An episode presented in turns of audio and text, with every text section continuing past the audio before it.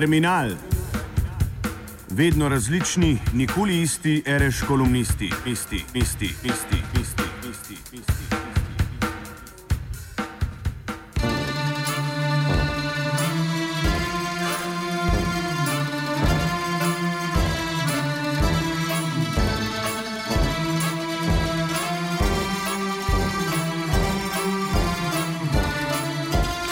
Evropski veter, ukrajinski vihar.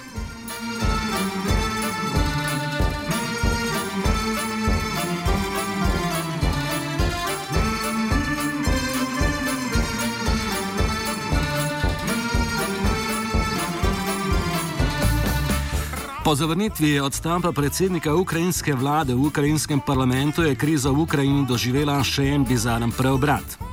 Ukrajinski predsednik vlade Arsenij Jacenjuk je prejšnji teden namreč odstopil, potem ko je razpadla koalicija Evropska izbira, ki je nastala po prevratu februarja letos. Parlament je namreč tedaj zavrnil zmanjšanje proračunskih izdatkov v višini 900 milijonov dolarjev, dvig davkov, ki bi prinesel državi dodatni 2 milijardi dolarjev, in načrt privatizacije državnega sistema plinovodov. Vendar so bili pravi razlogi za palec vlade drugačni. Skrivajo se v nesposobnosti sedanje vlade in parlamenta, da sprejmeta boleče ukrepe IMF-a, ki bodo pomenili nov krok vrčevanja v Ukrajini, dvig cen in padec dohodkov že tako obubožanega prebivalstva. Gospodarski rezultati so katastrofalni. Ukrajinski bruto družbeni proizvod je po podatkih ukrajinskega finančnega ministra Aleksandra Šlapaka samo letos padel za 5 odstotkov in bo do konca leta padel za najmanj 6,5 odstotkov. Vlada v Kijevu je ob tem pristala na finančni aranžma IMF-a, po katerem naj bi dobila 17 milijard dolarjev kot prvi del 30 milijardne pomoči, pri čemer bi naslednji obrok država morala dobiti že 18. julija. Jacenjuk je bil zagovornik hitrega sprejema vseh pogojev IMF-a. Težava je bila v tem, da bi država zato morala sprejeti precej boleče ekonomske ukrepe, ki bi zelo hudo udarili po žepu vse prebivalce Ukrajine. IMF namreč zahteva zmanjšanje vseh vrst socialnih izdatkov ter bistveno povečanje cen energe, eh, energentov v Ukrajini.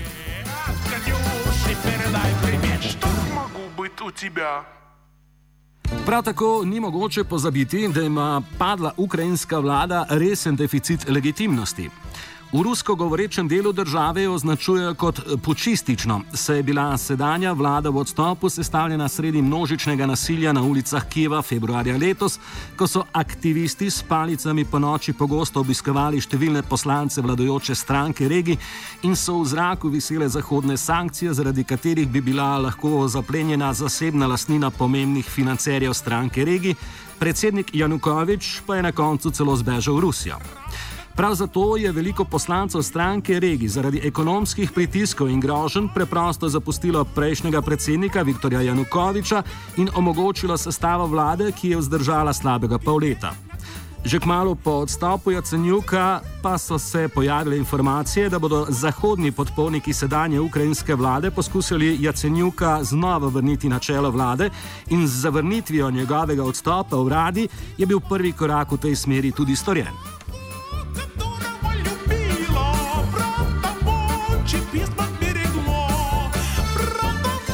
Vrniti odstopljenega predsednika vlade na staro mesto je bil lažji korak, veliko teže pa bo zagotoviti mir v državi. EU in ZDA sta se po sestrelitvi malezijskega potniškega letala nad vzhodno Ukrajino odločili za zaostrovanje sankcij proti Rusiji, vendar je to veliko premalo za ustavitev spopadov. Ustrajanje na sankcijah temelji na prepričanju, da je za upor na vzhodu Ukrajine odgovorna predvsem Rusija in da bo Rusija tako ali drugače tudi popustila pod pritiskom, v državo pa se bo vrnil mir. Vendar je takšna politika naivna. Rusija upornike res očitno podpira, toda korenine spora v Ukrajini so veliko globje. Država ima seveda vso pravico, da se bori za svojo ozemljsko celovitost. Toda to, da si želi oblast v Kijevu doseči zmago brez resnih pogovorov z uporniki in brez pristanka na kompromis, ki bi vzhodu države omogočil večjo avtonomijo ali vsaj federalni status, je neumnost, ki je v popolnem nasprotju z vsemi modeli podobno razcepljenih družb v Evropi in svetu. Posod tam, kjer se poskuša doseči prevlada domnevne večine nad določeno etnično manjšino z modelom preproste majorizacije oziroma preglasovanja in brez ustavnih in drugih varovalk, ki verujejo posebnosti teh manjšin, se države znajdejo sredi nestabilnosti, razpadov in celo vojn.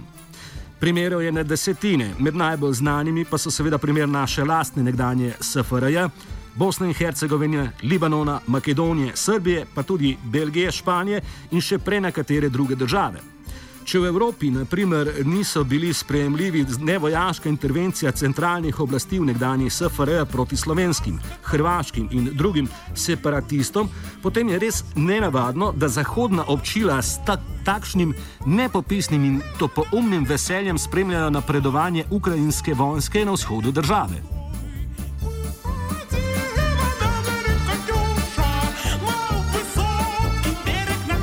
Vse to pa se dogaja v trenutku, ko se položaj v Ukrajini še naprej zapleta. Ukrajinska vojska je proti separatistom in civilistom že pričela uporabljati celo taktične balistične rakete Točka.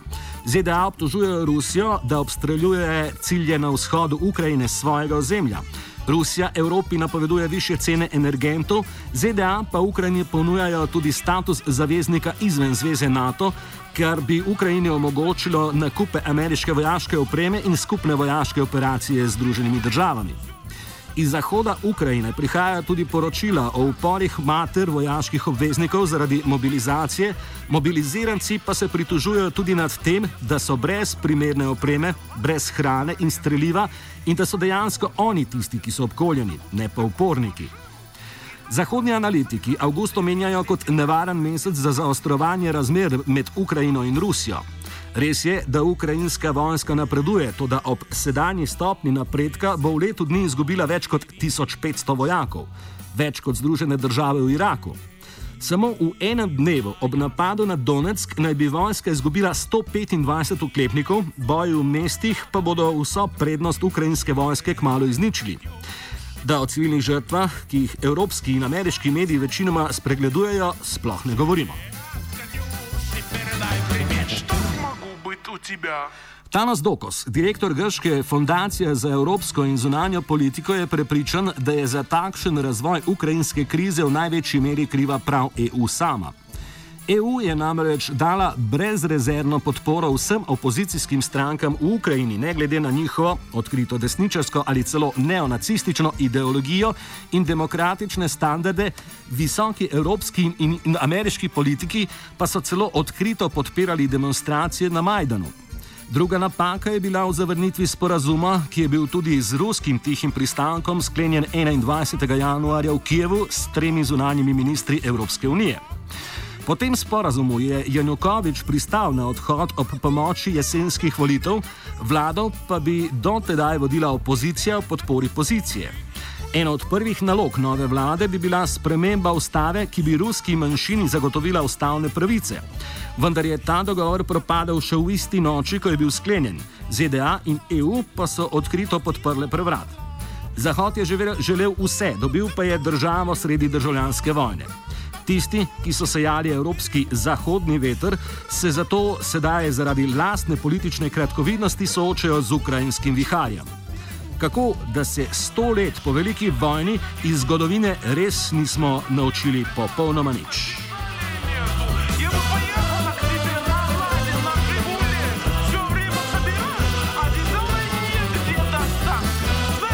Terminal je pripravil Igor Mekina.